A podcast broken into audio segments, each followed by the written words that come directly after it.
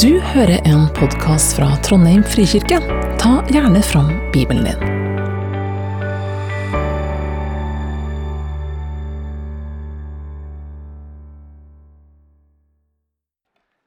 God søndag. Vi skal lese fra apostlenes gjerninger. Og da forsvant akkurat bokmerket. Apostlenes gjerninger, kapittel 1, vers 1.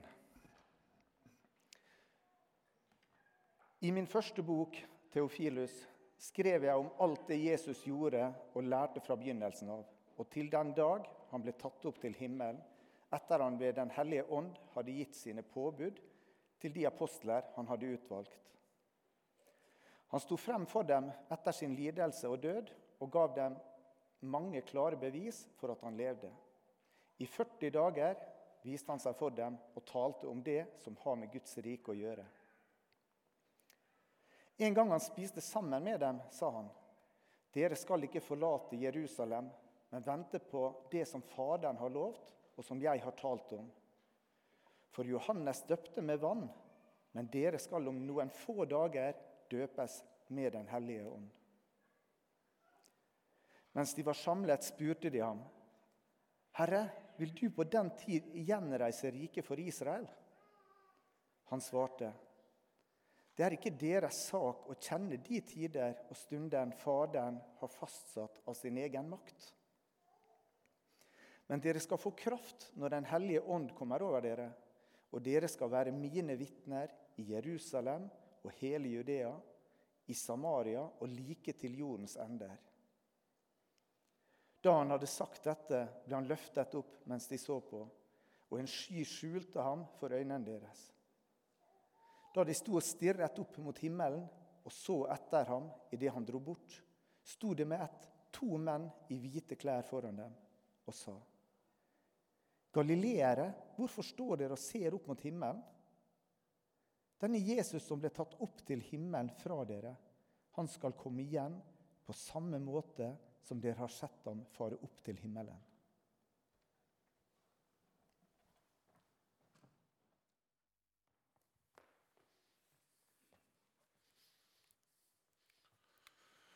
Vi feira Kristi himmelfartsdag på torsdag. Det, vil si, det var sikkert ikke så mange som feira den dagen. Det er ikke en dag som blir så veldig markert. og eh, Det er en litt sånn vanskelig dag for mange, fordi en ikke helt skjønner dette her med at det er noe å feire, at Jesus for opp til himmelen. For de fleste i Norge er det vel bare en ekstra fridag i mai som eh, gjør at en kan få enda ei langhelg denne måneden. Og Bortsett fra det så er den uforståelig og nesten litt sånn eh, komisk. Det har vært litt skriveri i avisene siste veka om at en kanskje burde fjerne denne dagen helt som en rød dag. Og En som skrev i ei avis, han sa Krist himmelfart er en mytologisk og ikke-historisk hendelse. Slik blir det nok sett på av mange himmelfart. Liksom. Det er jo liksom helt sprøtt. Jeg husker når jeg vokste opp, så ble denne dagen omdøpt til himmelspretten. Det var en måte å mobbe de som var kristne på, og kalle det for det. Latterliggjøre det på en måte. Og så er det jo slik eh, Når de skulle mobbe i alle fall meg da, på ungdomsskolen, så henviste de til Gagarin, den første astronauten, som jo var den første som drog liksom opp i himmelen og kom tilbake igjen og sa at han hadde ikke sett verken Gud eller Jesus der oppe. Og Det ble jo brukt selvfølgelig i eh, kommunistisk propaganda, sjøl om Gagarin, så langt jeg har lest, var ganske fortvila over at han ble brukt på den måten. For han var glad i kirke og kristendom og var fortvila over at kommunistene ødela så mange fine kirker. Men hva er Kristi himmelfartsdag? Ja, Historia bak er jo ganske grei. Jesus døde, sto opp igjen i påska, og i 40 dager etter påske så var han sammen med disiplene sine, underviste dem, lærte dem. Og På den 40. dagen så skjedde det som Steinar leste om her. Han ble løfta opp til himmelen. På samme måte som Gud sendte han til jord, så ble han også løfta tilbake igjen til Gud. Og Der sitter han da ved Guds høyre hånd og skal en gang komme igjen på samme måte, sa englene. Og vi tenker ja vel, har det noe betydning for oss? Himmelfart det betyr selvsagt ikke at Jesus er en, eller annen plass bak skyene. Himmelen i Bibelen er jo et uttrykk for Guds kongedømme, Guds trone. At Gud hersker i universet. Ikke en fysisk plass, sjølsagt. Men himmelfart betyr jo at han som var begrensa når han var her på jord Når han var i Galilea, så kunne ikke han være i Jerusalem. Når han snakka med Maria, så kunne ikke han samtidig snakke med Johannes. Han var begrensa av tid og sted. Han er nå ikke begrensa lenger. Jesu himmelfart det betyr at Jesus alltid og overalt kan være nær oss slik som Pax også sang i denne sangen, 'Never Alone'. Han er der alltid. Og Det er en fantastisk grunn til glede. At Jesus ikke lenger var begrensa til ett sted, én person. Han kan være nær oss alltid. Jeg vet ikke om du husker da Jesus etter oppstandelsen møtte Maria Magdalena ut forbi grava og der Maria tror at dette her er gartneren, og så oppdager hun og liksom får Det er Jesus. Og så sier Jesus noen ord som mange syns er litt merkelige.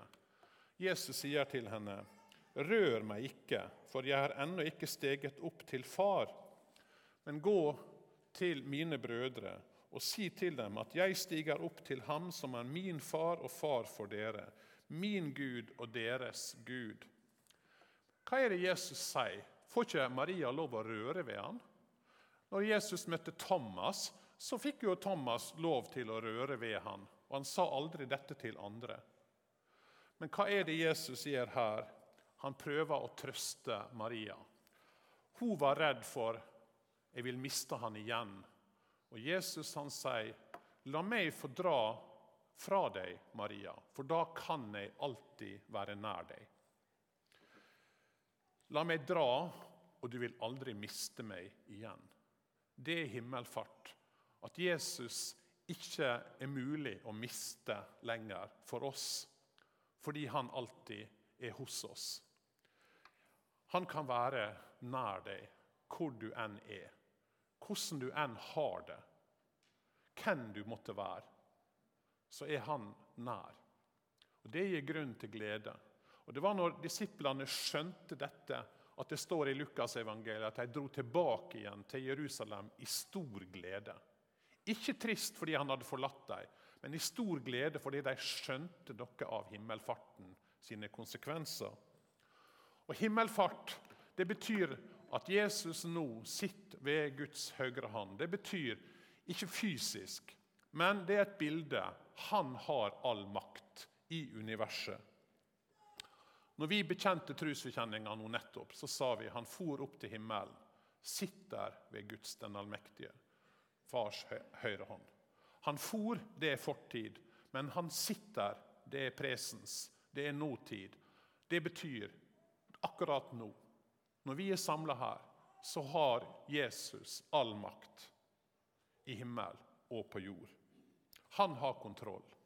Også når vi ikke ser det, også når vi ikke forstår det, og Det er for meg en utrolig viktig tanke, og en utrolig gledelig tanke og trøstefull tanke. Han har kontroll. Han har det endelige ordet. Om vi føler at ting rakner, vi føler at ting går galt Jeg er ikke utafor Jesu herredømme med mitt liv. Vi tenker jo det av og til når ting går galt og vi roper til Gud og vi får ikke svar og vi lurer på hvor er du hen, Jesus. Kan ikke du gripe inn? Vi skjønner ikke hvorfor du ikke griper inn med din makt osv. Ser ikke Jesus hvor vanskelig dette er? Ser ikke han, Har ikke han kontroll? For Forrige uke var Kari og jeg reiseledere på hurtigrutetur fra Bergen til Kirkenes og tilbake igjen. Og Da hadde jeg bibeltimer. Dette var plussreise, så det var eh, bibeltimer hver dag. Og Da hadde jeg om elleve forskjellige personer i Bibelen, og bl.a. om Josef. Og Det var litt eh, det var litt sånn tankevekkende for meg å ta fram igjen historien om Josef i Bibelen. Fordi det er en utrolig merkelig historie. Eh, en lang historie. Men der det slår meg at bak alt som skjer, så virker Gud. Bak alt som skjer, så virker Gud. Faren, bare et eksempel. Faren Josef, nei, Jakob prøver å sende Josef til brødrene i Sikhem. Når Josef kommer fram dit, så er ikke brødrene der. De har dratt av gårde med dyra til en helt annen plass. Men tilfeldigvis så møter Josef en mann, og der han spør etter brødrene. og han Mannen sier de har dratt til Dotan. Og Josef drar til Dotan, to mil, og der finner han tilfeldigvis brødrene. Og når brødrene prøver å drepe Josef, så er tilfeldigvis Ruben der og sørger for at det ikke skjer. Når de selger han som slave til egypterne, så er Ruben borte og kan ikke forhindre at det skjer. Og Josef blir kasta i brønnen, roper til Gud, ingenting skjer. Han blir solgt som en slave til Egypt.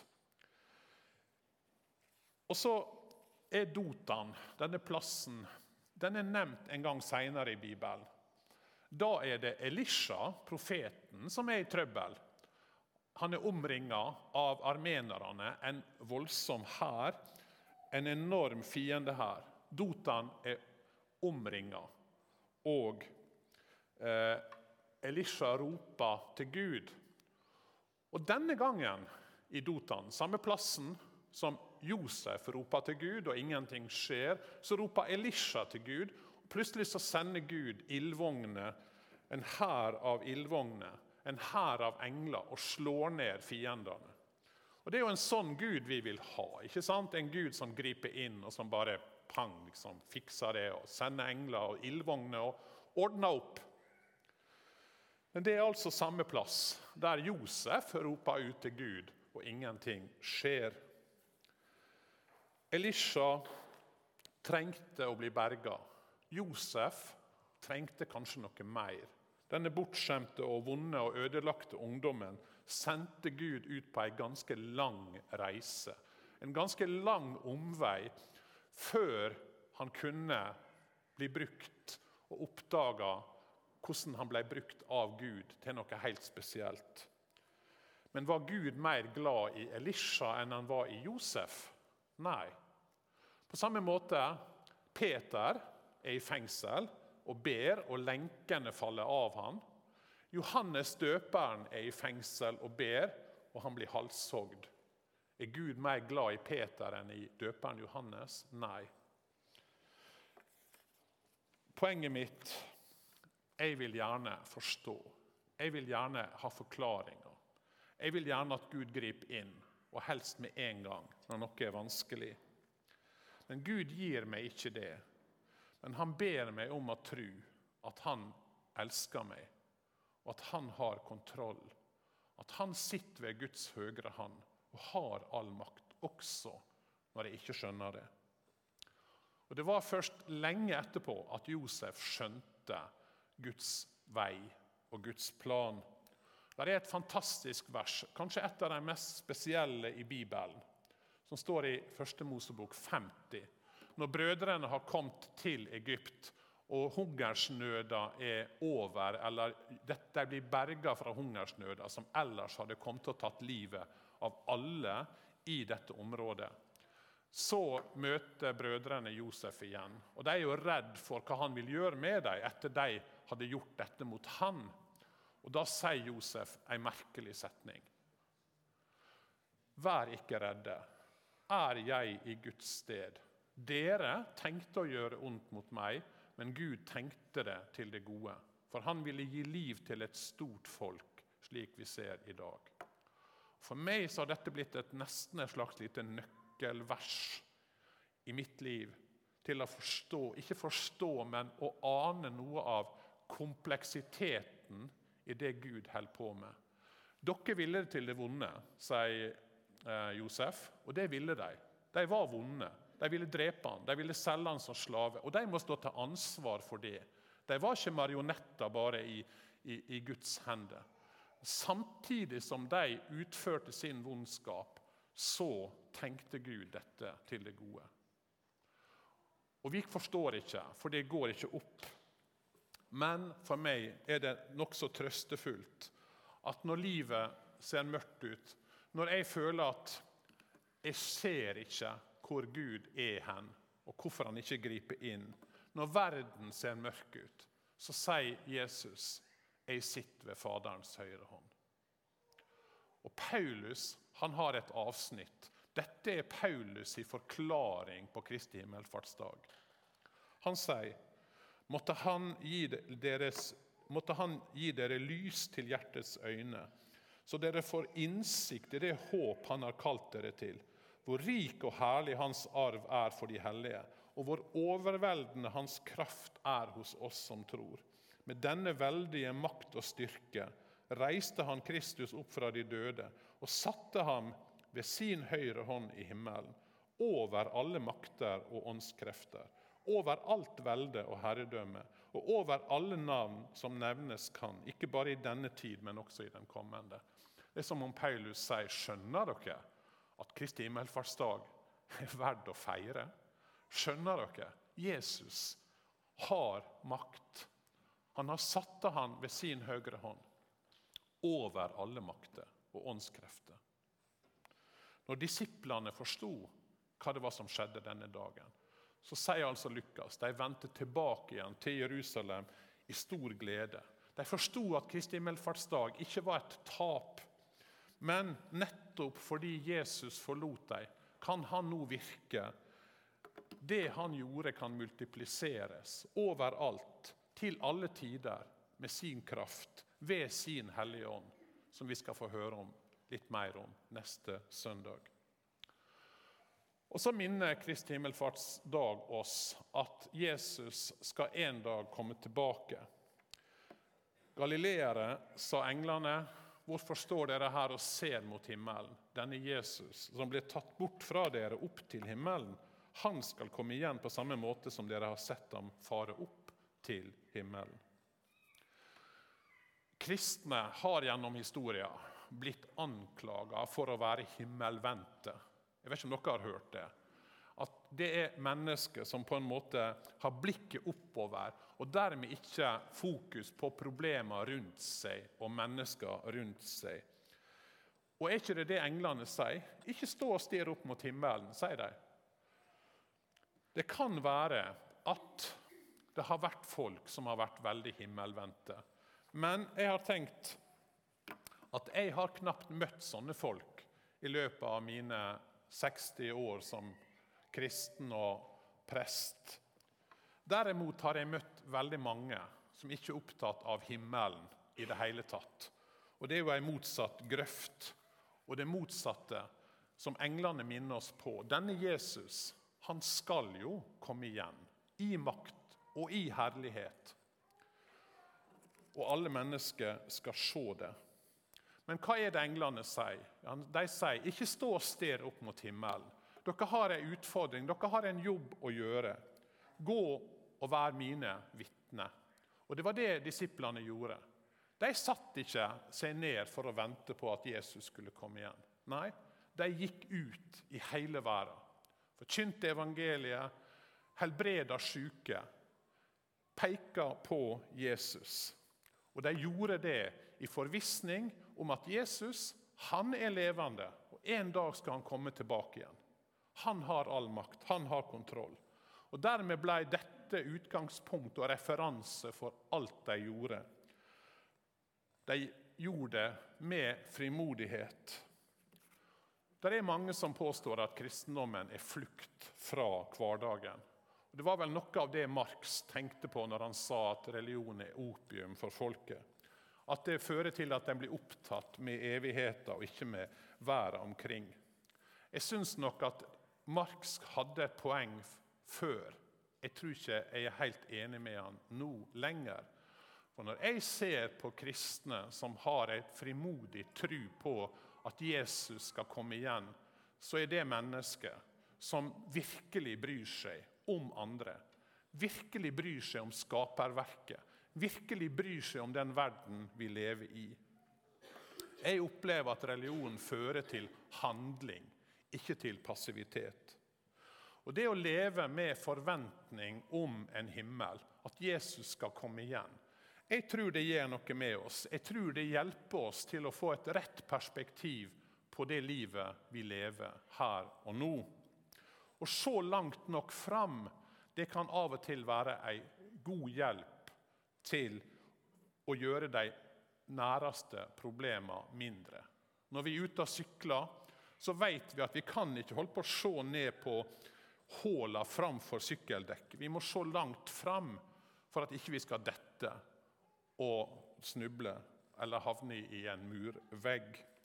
Og Det var dette læresveinene hadde med seg. De hadde dette doble perspektivet. De visste at Jesus hadde all makt, at han en dag skal komme tilbake igjen.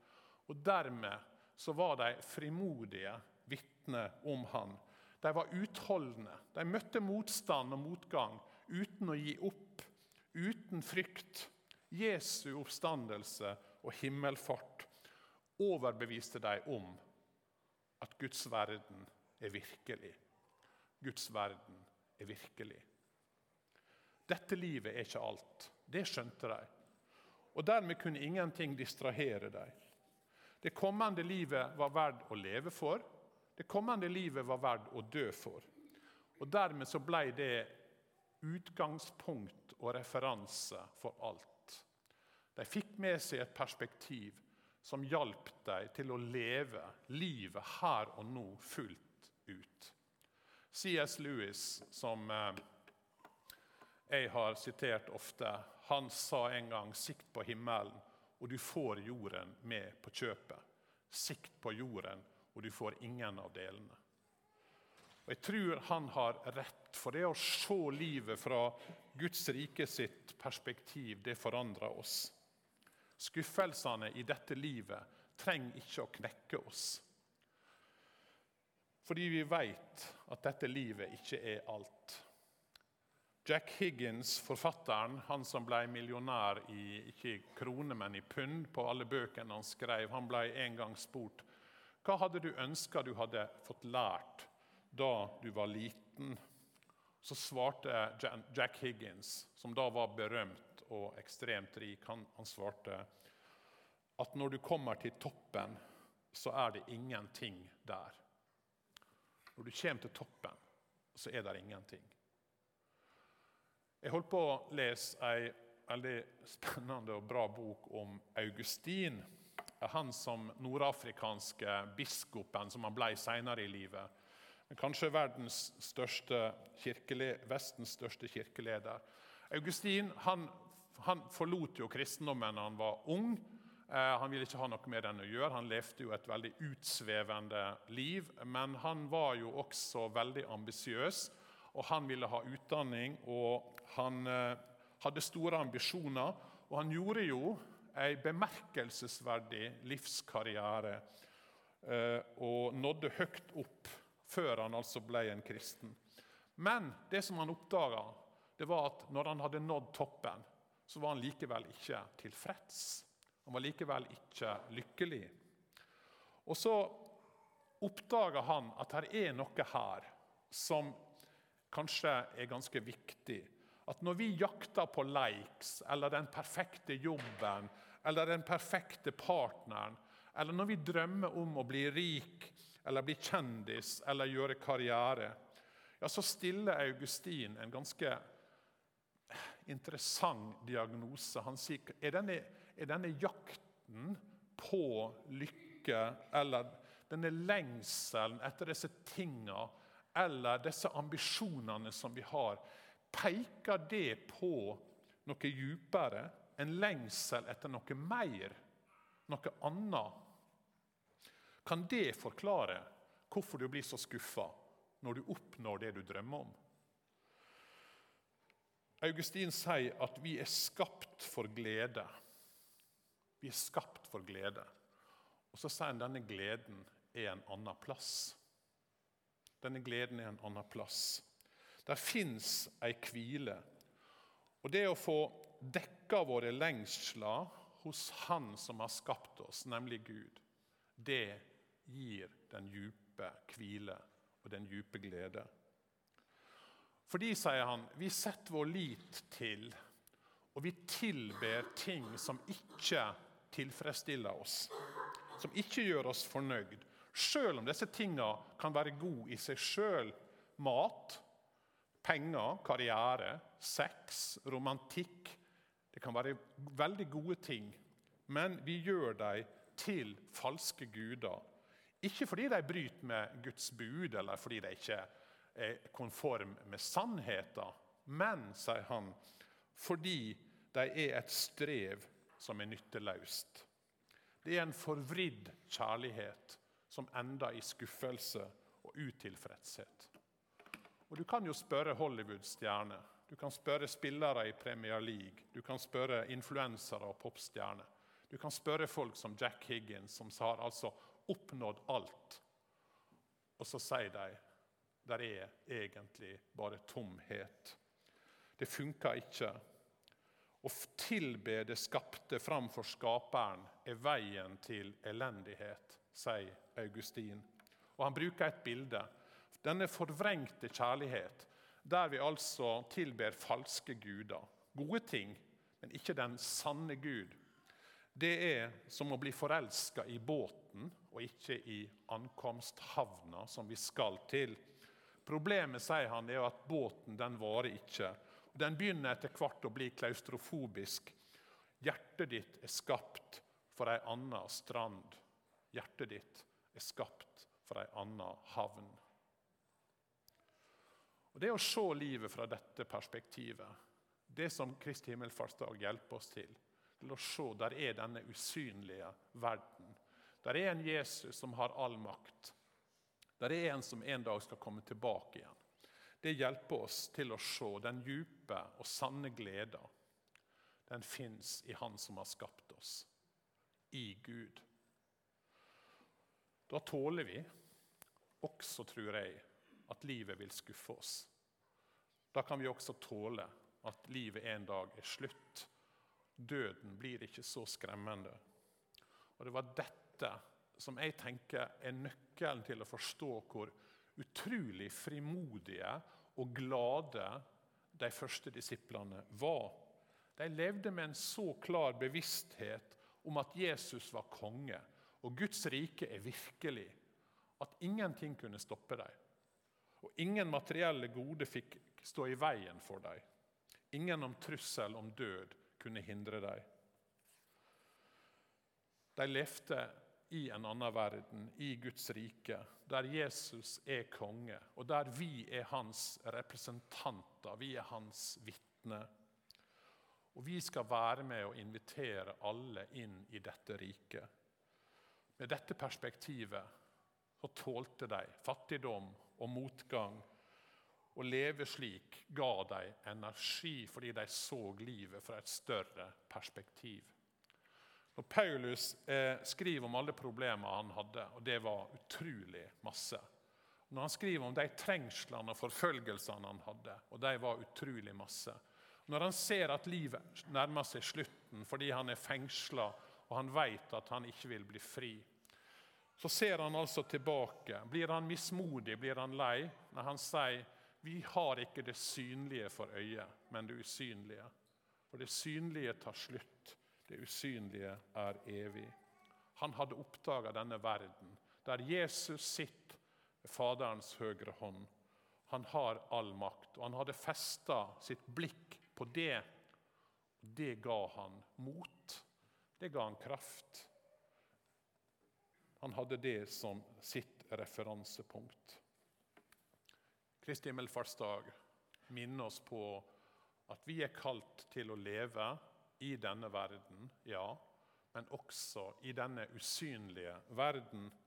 Tro at Jesus lever selv om vi ikke kan se ham. Tro at han er midt iblant oss sjøl om ikke vi kan ta på han. Tro at han gir oss kraft når vi går ut med evangeliet, sjøl om vi ikke fysisk kan merke det. Tro at han som for opp, en dag skal komme igjen. Tro at han da vil hente oss til vårt rette hjem, det som vi er skapt for. Og Det var dette som gjorde at Augustin ble en kristen. Og Han oppdaga dette her. Jeg er fortapt. Jeg er langt borte fra denne Gud. Han hadde levd opp til alle sine drømmer. Han hadde nådd langt på karrierestigen. Han var rik, han hadde levd ut alle sine lyster. Men så spurte han seg sjøl jeg har oppnådd alt jeg har planlagt om og drømt om, så hvorfor er jeg likevel så rastløs og utilfreds? Han var ikke ulykkelig fordi han ikke nådde sine mål, sier han, men han var ulykkelig fordi han nådde dem.